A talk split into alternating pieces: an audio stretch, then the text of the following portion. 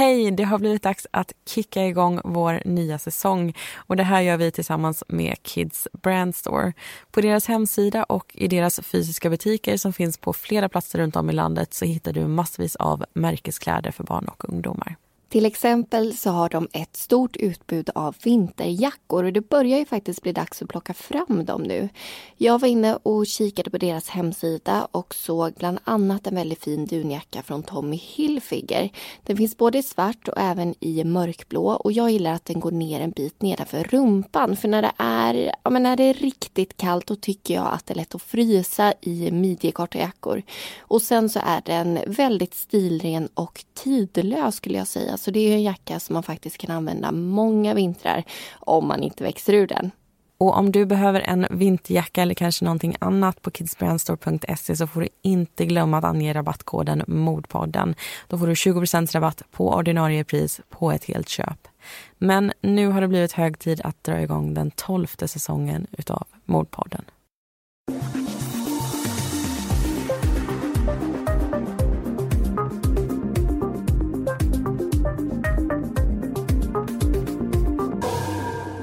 Året är 1992. Paret Sune och Katarina har stött på diverse motgångar under årens lopp och när de får veta att deras nyfödda lilla dotter har cancer rasar deras värld samman totalt.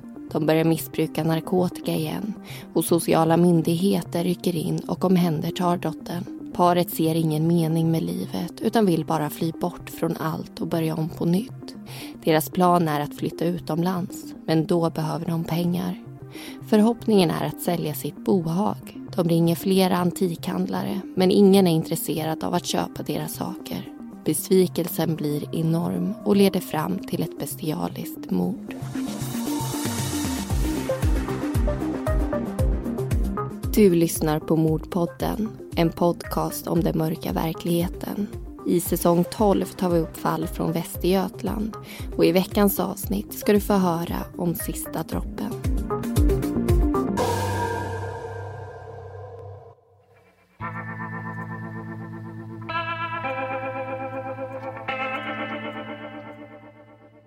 Jag tror att vi alla någon gång under våra liv når botten. Den där djupa och kalla avgrunden. Det finns inget ljus, inget hopp och inte heller en stege eller trappa inom synhåll som kan hjälpa oss upp igen. Allt känns bara totalt meningslöst. Tomt, ensamt och mörkt. Som tur är hittar de flesta personerna kraft långt inom sig och en kämpaglöd som säger åt dem att inte ge upp. Det finns som sagt ingen trappa, men de klättrar på väggarna ändå. Och hur tufft, svårt och halt det än må vara kommer de till slut upp och ser ljuset igen. Kanske en aning svag till en början, men det finns där. Och de bestämmer sig för att låta det leda dem bort från mörkret. Sakta, men säkert. Men vissa personer stannar i den där avgrunden, ger upp, låter mörkret omfamna och begrava dem och tänker att allt är över. Syns inte ljuset, så finns det inte. I det här avsnittet ska vi berätta om två personer som hamnade i just den där avgrunden och såg slutet innan det ens hade börjat.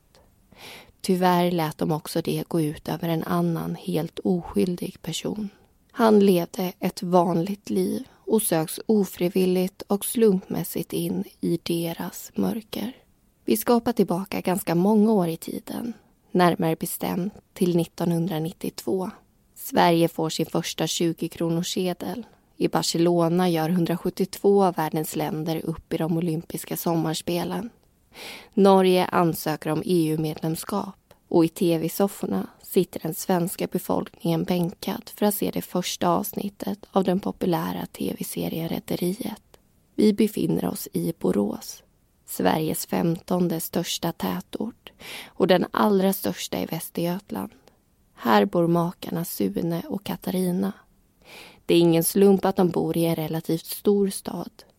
Tidigare har de flyttat runt mellan olika mindre orter men de kände sig aldrig hemma någonstans. Passar man inte in i ramarna på en plats med få invånare sticker man ut på en gång. Människor ger konstiga blickar och är inte sena med att visa eller kanske till och med påtala sitt missnöje. Sune och Katarina upplevde att de blev otrevligt bemötta var de än bodde och ville testa på om det blev skillnad i en större stad. Där är det lättare att vara anonym. Även om man skiljer sig från mängden kommer det alltid finnas personer i liknande skor. Människor som förstår, som inte dömer en utan är medvetna om att allting händer av en anledning. Att det osynliga bagaget kan vara väldigt tungt att bära och sitter fast med en kätting runt kroppen. Det går inte att lägga ifrån sig. Det finns alltid där och kommer påverka allt man gör. Sune och Katarina har minst sagt ett tufft förflutet och de hoppas nu att de kan skapa sig ett bättre liv i Borås. De har tidigare missbrukat narkotika men hoppas kunna sluta med det. De väntar nämligen barn tillsammans. För två år sedan sa de ja till varandra och lovade att tillbringa resten av sina liv tillsammans i medgångar och motgångar. Och det sistnämnda har de redan blivit testade i. I oktober 1991 föds deras dotter. Ett helt nytt liv kommer skrikandes till världen och fångar föräldrarnas hjärtan. Den där bebisbubblan alla pratar om är svår att förstå om man inte varit med om den själv. Det finns ingenting annat som existerar än den nya lilla familjen. Allt annat känns så oviktigt, så irrelevant och blurras bort i bakgrunden. Det finns där, men du ser det inte. Det enda du ser är det där lilla livet som du har skapat. Många blivande föräldrar skapar sig nog en ganska drömmig bild av den här första tiden. Och utgångspunkten är såklart att barnet ska må bra. Skrikande ska den komma upp på bröstet och så småningom öppna sina nyfikna ögon. Men för Sune och Karina väntar istället en mardröm. De får aldrig njuta av den där magiska bebisbubblan alla pratar om. Istället får de ett fruktansvärt besked som alla föräldrar fasar för. Det visar sig att den lilla flickan har en cancertumör och måste opereras på en gång. De nyblivna föräldrarna kan inte hantera den psykiska påfrestningen som den fruktansvärda sjukdomen innebär. Det finns bara en sak som de tror kan dämpa deras ångest. Droger. Efter en tids uppehåll sugs de snabbt tillbaka i missbruket. Fredagen den 23 oktober 1992 ingriper sociala myndigheter och tjänstemän från socialnämnden hämtar flickan. Sune och Katarina ser sin älskade dotter tas ifrån dem. Det finns ingenting de kan göra. Allt känns meningslöst och de känner sig både hjälplösa och förtvivlade. Katarina har två barn sedan tidigare men inte heller de föddes friska och bor hos sina respektive pappor. Så det är bara Sune och Katarina nu. De vill bort. Från Borås, från sin vardag. Ja, från allt. Så de bestämmer sig för att sälja sitt bohag. De räknar med att kunna få ungefär 20 000 kronor totalt. Det räcker för att de ska kunna ta sig till Amsterdam och fortsätta sitt liv där. Eller kanske någon annanstans. Bort från Sverige ska de i alla fall. Billy jobbar som antikhandlare i Allingsås vilket innebär att han är expert på äldre föremåls värde. Den 26 oktober 1992 åker han till Borås för att träffa Sune. Men han kommer aldrig hem igen. Hans familj anmäler honom försvunnen till polisen. På kvällen den 27 oktober öppnar polisen upp dörrarna till Sune och Katarinas lägenhet. Det är minst sagt en makaber syn som möter dem. I lägenheten finns tre rum, ett kök och en hall. Antikhandlaren Billy hittas liggande livlös i ett mindre sovrum som gränsar till köket. Han har kopplats med två olika hundkoppel som dragits åt som snaror runt hans hals. En vit elkabel är knuten runt hans huvud och löper ner över ryggen. En svart elkabel är knuten runt höger handled och leder ner över kroppens högra sida och är fastlänkad med ett av hundkopplen. Han har fyra knivhugg i ryggpartiet och kraftiga skärsår på halsens båda sidor. Han har även mottagit flera slag. I några av lägenhetens rum skvallrar röda blodfläckar om att misshandeln har pågått på flera ställen. Tre knivar och en hammare hittas i bostaden. Bladen på två av knivarna är avbrutna men alla föremål har blod på sig. I lägenheten hittas också Billys plånbok. Den ekar tom. Pengar, diverse handlingar och anteckningspapper som tillhörde honom är borta. Likaså hans bil. Orsaken till den mardrömslika scenen som har utspelat sig i lägenheten var att Billy inte hade ansett att bohaget var värt speciellt mycket alls och var inte villig att köpa något av det. Återigen hade makarna Sune och Katarina sköljts över av besvikelse. Och den här gången var Sune tvungen att få ur sig sin frustration. Den frustrationen gick helt ut över Billy. we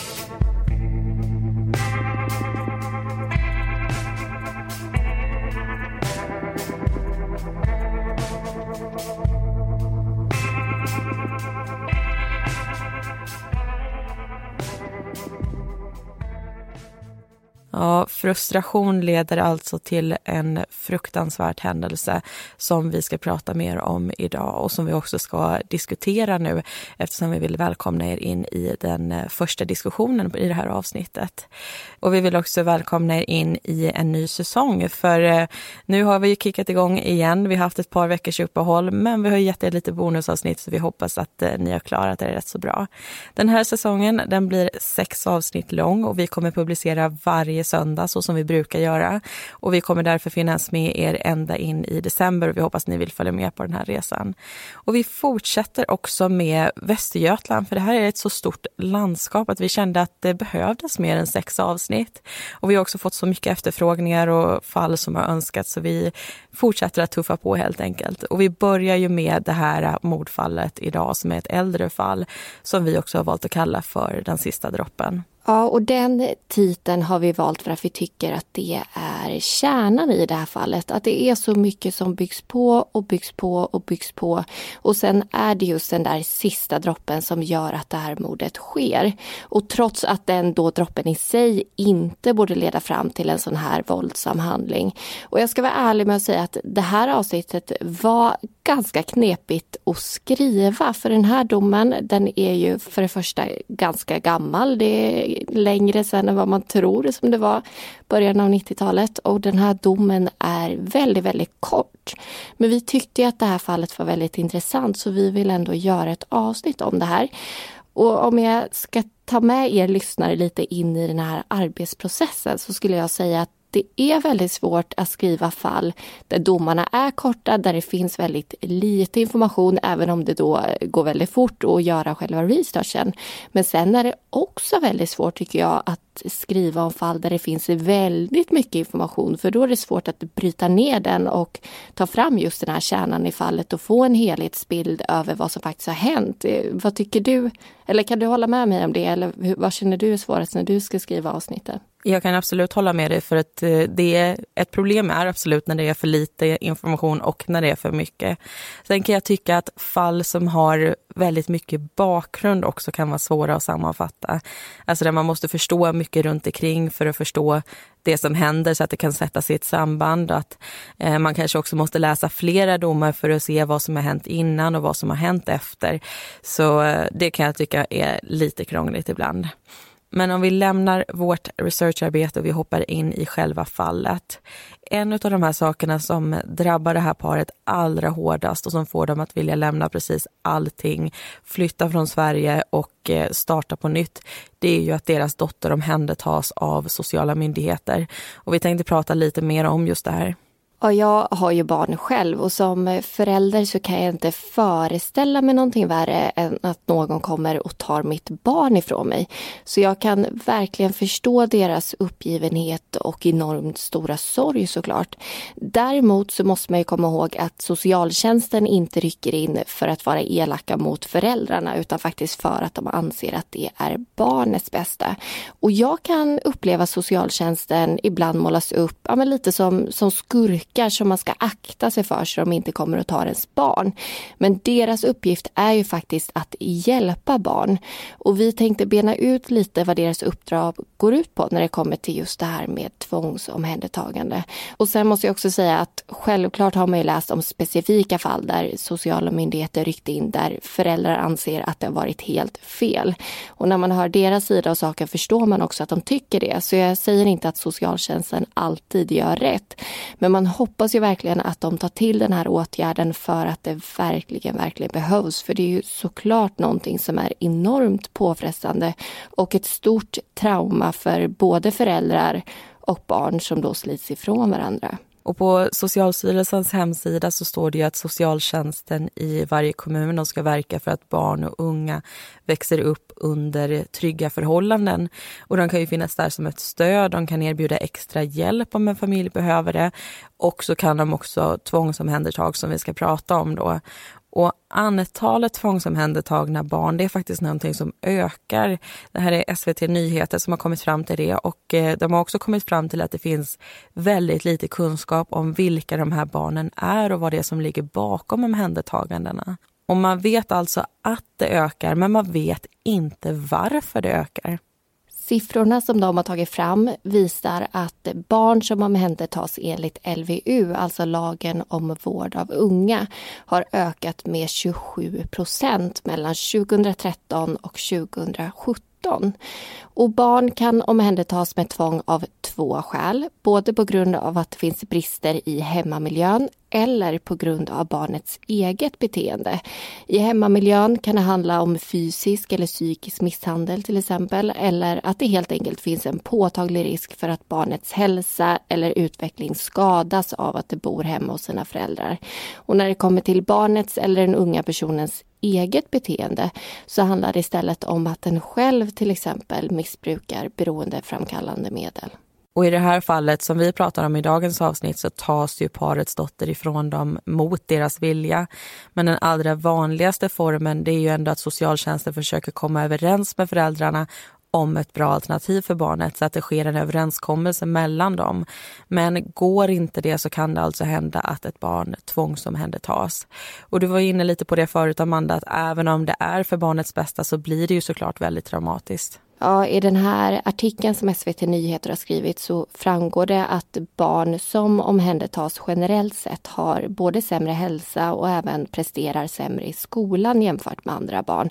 Och det här kan man ju förstå, för även om de inte har det bra hemma så måste det ju vara fruktansvärt att slitas ifrån sina föräldrar och hamna hos totala främlingar, i alla fall till en början. Och för att sammanfatta det här så ska ju alltid barnets bästa vara det avgörande i alla beslut som tas. Alltså vare sig det handlar om barnets vårdnad, boende eller umgänge. Det är det man ska titta till. Och för att återgå till själva fallet som vi berättar om i det här avsnittet så är det en sak som jag inte kan släppa och som jag reagerade så oerhört starkt på. Och det är det här besinningslösa våldet som den här stackars mannen utsätts för. För tittar man bara på resultatet av den här misshandeln och hur den har gått till utan att veta bakgrunden till det så skulle man ju absolut tro att det var ett stort hat och en enorm ilska som låg bakom det här mordet. Men i själva verket så känner ju inte de här personerna varandra överhuvudtaget. Nej, och det kan jag tycka faktiskt är ganska otäckt att man som utomstående kan snubbla in i en situation som den här. Att utsättas för ett fruktansvärt lidande bara för att någon behöver ta ut sin ilska om man är på fel plats vid fel tillfälle.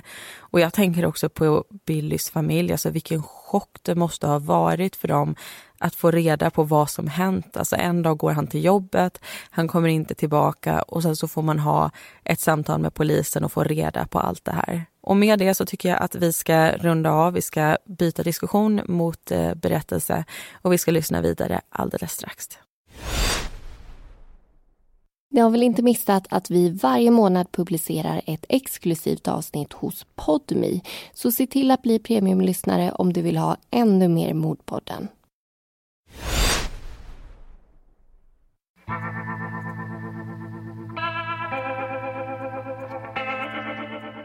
När Sune och Katarina bestämt sig för att sälja bohaget och flytta utomlands ringer Sune på en gång flera antikhandlare som han hoppas kommer vilja köpa deras saker. Ett par av dem tackar nej redan i telefonen och är inte intresserade av att ens komma och kolla. En antikhandlare kommer dock hem till paret och går igenom alla föremål. Men han blir inte imponerad och går därifrån utan att ha köpt något. Sune och Katarina börjar bli desperata. Deras pengar är helt slut. Samtidigt växer sig suget efter droger allt starkare. En kombination som hos missbrukare ofta skapar en desperation. Sune ringer till Billy som jobbar som antikhandlare i Allingsås. Han är till makarnas glädje intresserad av att komma och titta på deras saker och de bestämmer att han ska komma förbi på måndagen den 26 oktober. Sagt och gjort dyker Billy upp på bestämd tid. Sune och Katarina är hoppfulla. Förhoppningsvis ser han ett värde i deras bohag och är villig att betala ungefär 20 000 kronor för det.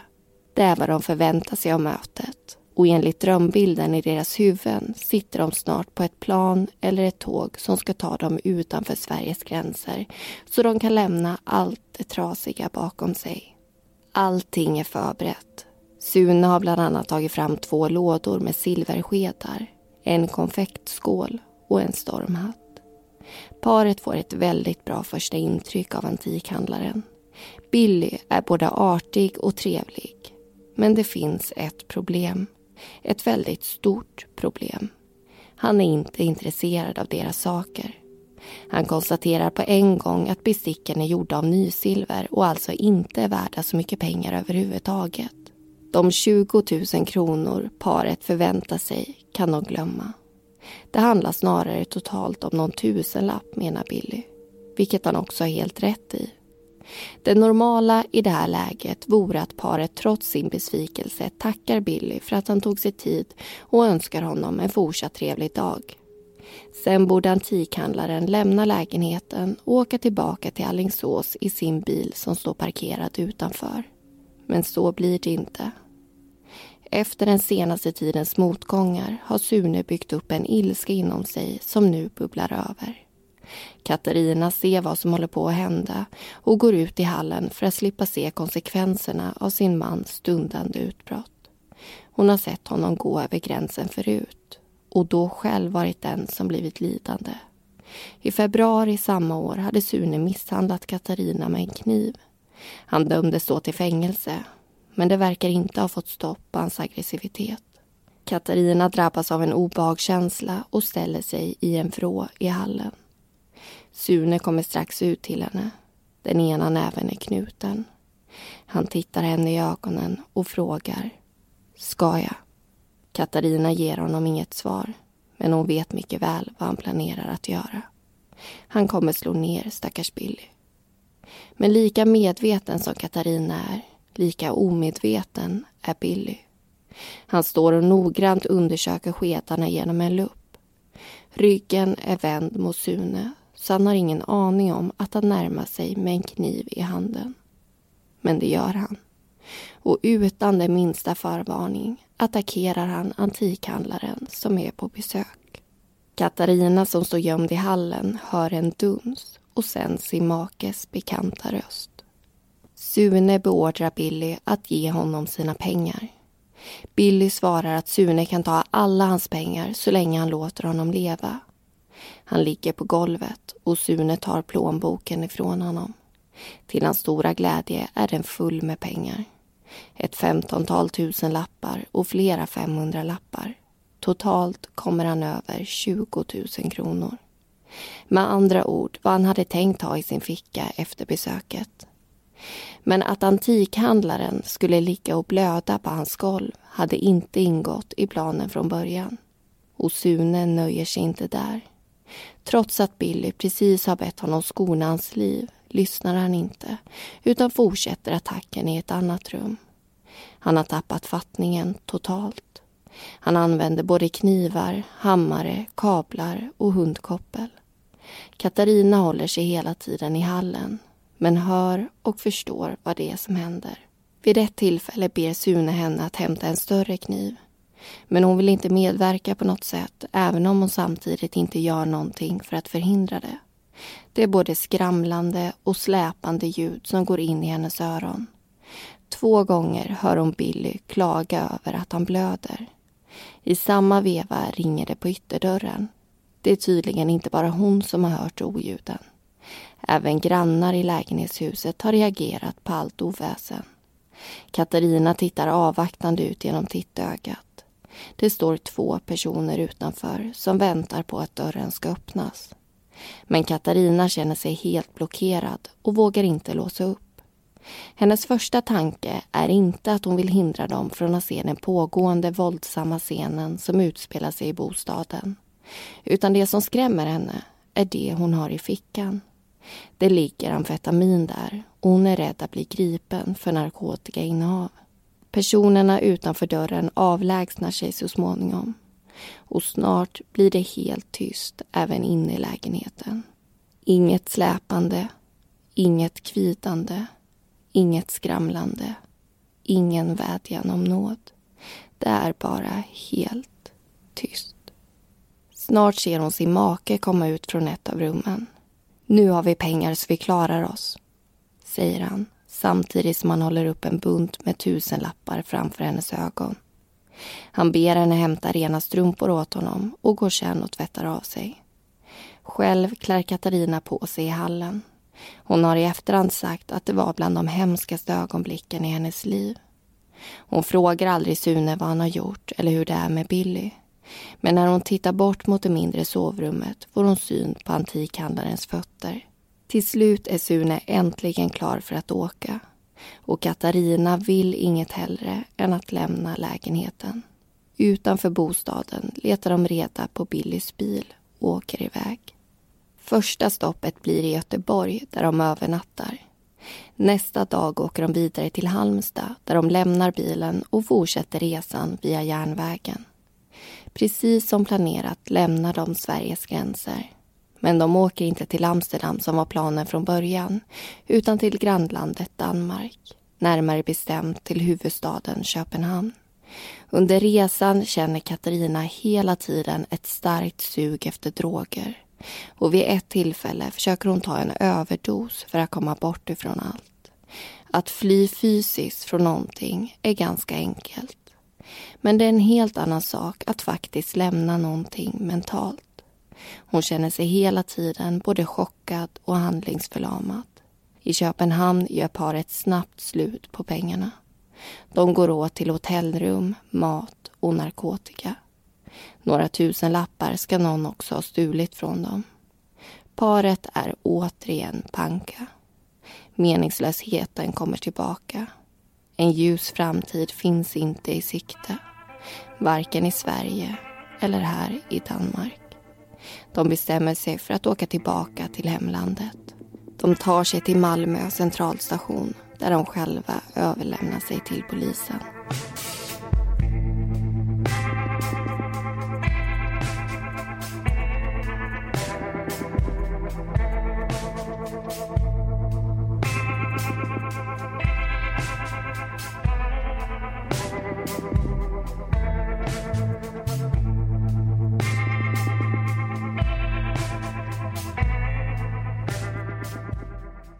Ja, efter en resa utomlands så kommer alltså det här paret tillbaka hem till Sverige igen och pratar med polisen. Och den här diskussionen tänkte vi ägna att eh, prata en hel del om det svenska rättssystemet. Och först ut så är det ju det här med livstid. Ja, det här begreppet är ju ganska missvisande egentligen. För en person som döms till livstidsfängelse i Sverige sitter ju väldigt sällan i fängelse hela sitt liv som det låter som. Jag tror att den som suttit längst suttit i ungefär 35 år om jag minns rätt.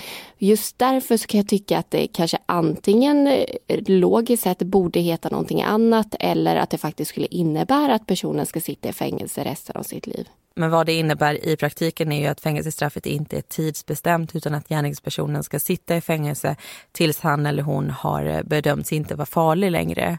Och om du begår ett mord idag och du är över 21 år gammal, då är ju det mildaste straffet du kan få för mord 10 års fängelse.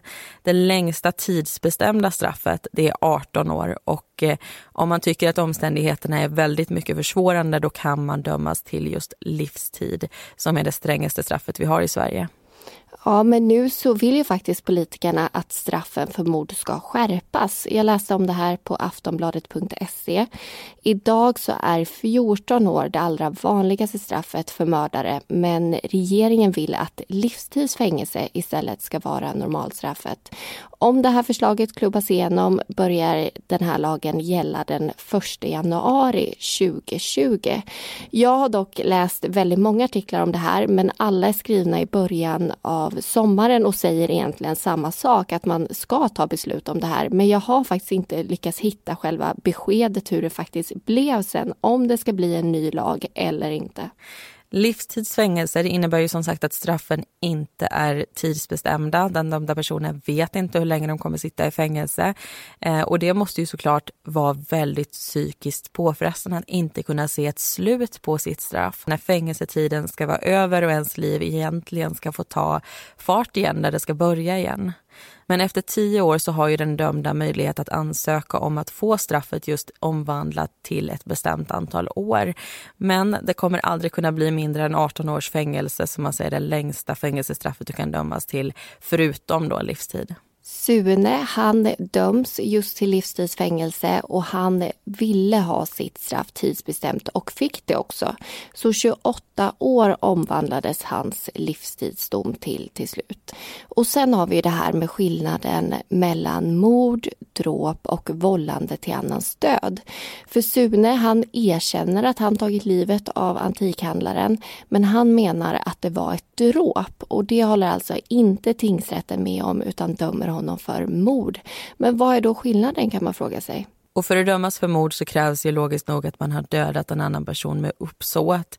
Döms du för dråp så är principen densamma, men det finns förmildrande omständigheter. Till exempel att man hjälper en svårt sjuk människa att dö. Det går inte att försvara den handlingen, men man förstår varför gärningspersonen har gjort det som den har gjort. Och döms man för dråp så är det också fängelse som gäller men skillnaden är ju straffets längd. Som minst kan de sitta i sex år och som längst i tio år. Och så har vi det sista, alltså vållande till annans död. Till skillnad från dråp och mord så har inte gärningspersonen i de här fallen haft uppsåt att döda utan det är oaktsamhet som ligger bakom det. Men sen måste man komma ihåg att det är skillnad på medveten oaktsamhet och omedveten oaktsamhet. Och det är viktigt att reda ut vad det handlar om för att bestämma hur grovt brottet är. Och när det kommer till påföljden så ska personen, om brottet anses vara grovt, dömas till minst ett år och max sex år i fängelse. Men om det handlat om omedveten oaktsamhet och alltså inte anses vara grovt kan personen högst dömas till två års fängelse. Och om brottet är ringa så döms personen bara till böter. Och det här är ju mycket tung information så det kan vara bra att repetera sådana här saker tycker vi. Speciellt eftersom det är saker och begrepp som vi ofta använder oss av i podden. Innan vi hoppar tillbaka till berättelsen så tänkte vi skicka med ett poddtips också från Radioplay-familjen. Mm, det är en eh, nystartad podd som heter Jag var där. En dokumentärpodd om stora nyhetshändelser där personer som faktiskt var där berättar om sina egna upplevelser. Till exempel så har de ett avsnitt om flodvågskatastrofen som skedde 2004 som ni alltså kan lyssna på bland annat i Radioplay-appen. Jag var där heter alltså den här podden och eh, nu ska vi lyssna vidare på Mordpodden.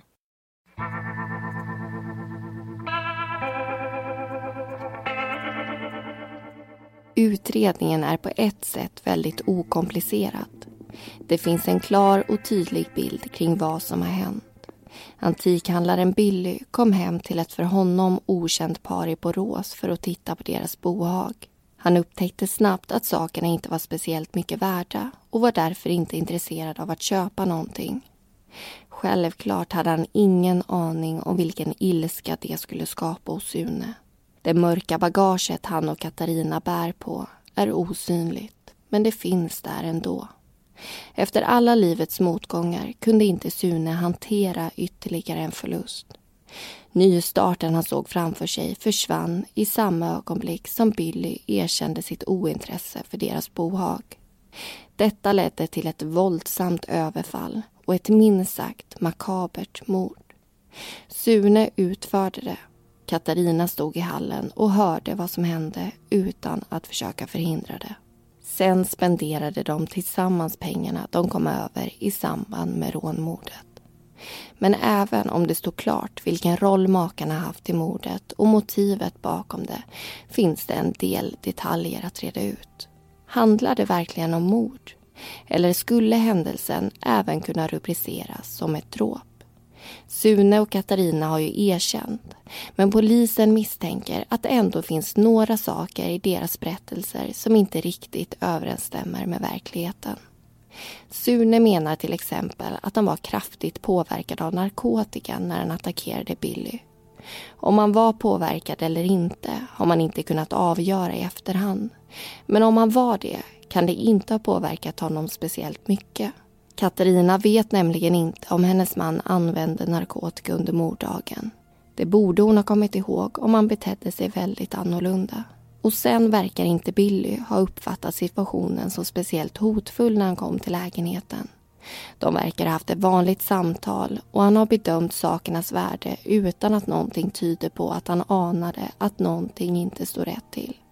Chansen är stor att han hade lämnat lägenheten på en gång eller kanske inte ens gått in om han tyckte att det verkade som att Sune var narkotikapåverkad. Sune väljer att inte uttala sig under huvudförhandlingen i Borås tingsrätt. Han vill varken prata om gärningen i sig eller sina personliga förhållanden. Men han är villig att erkänna att han berövat Billy livet och att det gått till så som åklagaren beskriver det. Han erkänner också att han tagit ungefär 20 000 kronor och stulit bilen från sitt offer. Men han tycker att gärningen borde bedömas som dråp och inte som ett mord eftersom det inte var hans tanke från början att ta livet av Billy. Tingsrätten har inte fått någon förklaring till varför Sune mördar antikhandlaren på ett så bestialiskt och avskyvärt sätt. Men hans förflutna skvallrar om att han har en väldigt våldsam sida som uppenbarligen kom fram den där höstkvällen 1992. 1977 dömdes Sune för bland annat försök till dråp och överlämnades till sluten psykiatrisk vård.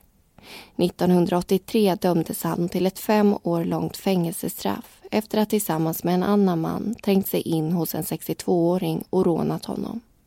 Sune ska både ha sparkat den stackars mannen flera gånger, stoppat in en tröja i hans mun och bundit honom med en dammsugarslang. 1992, innan mordet på Billy skedde, dömdes han för misshandel, olaga hot och grovt rattfylleri. Han släpptes villkorligt den 4 oktober med två månader kvar att avtjäna. Totalt finns han med under 16 avsnitt i belastningsregistret. När det kommer till Katarina gör hon ett trovärdigt intryck och lämnar sin berättelse utan överdrifter. Det hon säger stämmer också väl överens med det Sune berättar och bevisningen som framkommit när brottsplatsen undersökts. Däremot tror inte tingsrätten på henne när hon säger att hon medverkat i brottsligheten på grund av tvång och rädsla för maken. Hon har nämligen sagt att hon inte känner sig rädd för Sune under händelserna i lägenheten eller under tiden efteråt. Hon hade dessutom alla möjligheter i världen att lämna lägenheten när mordet skedde. Ändå valde hon att stå kvar i hallen hela tiden. Tillsammans med Sune har hon sen spenderat Billys pengar på bland annat narkotika, mat och husrum trots att hon visste hur Sune gått tillväga för att komma över pengarna. Katarinas brottsregister är inte lika tjockt och överhängande som hennes makes. Den 15 mars 1989 dömdes hon till skyddstillsyn för rattfylleri, men annars är hon blank. Sune döms till livstidsfängelse för mord. Hans fru döms till åtta månaders fängelse för grovt häleri. Att försöka lösa problem genom att skapa sig nya är sällan en bra metod. Vad som fick Sune att attackera Billy på ett sånt besinningslöst sätt är svårt att säga. De kände inte varandra. Billy hade inte gjort paret något överhuvudtaget. Ändå var det han som blev slagpåsen efter parets alla motgångar i livet. Kanske är det som när man försover sig, blir utskälld på jobbet, misslyckas på ett möte, glömmer matlådan, går i ösregn hem och sen tappar det totalt när sambon köpt apelsinjuice istället för äppeljuice som han var så sugen på. Skillnaden är att i det här fallet tvingas inte bara en person stå ut med en obefogad utskällning utan mister sitt liv, sin framtid, sin familj på grund av att bägaren rinner över hos en total främling.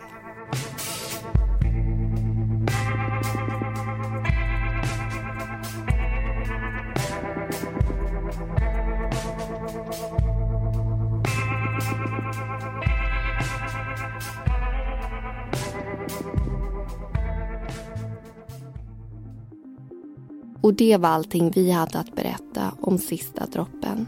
Alla personer i berättelserna heter egentligen någonting annat och informationen är hämtad från domen i fallet. Nästa vecka är vi tillbaka med ett nytt avsnitt från Västergötland. Missa inte det.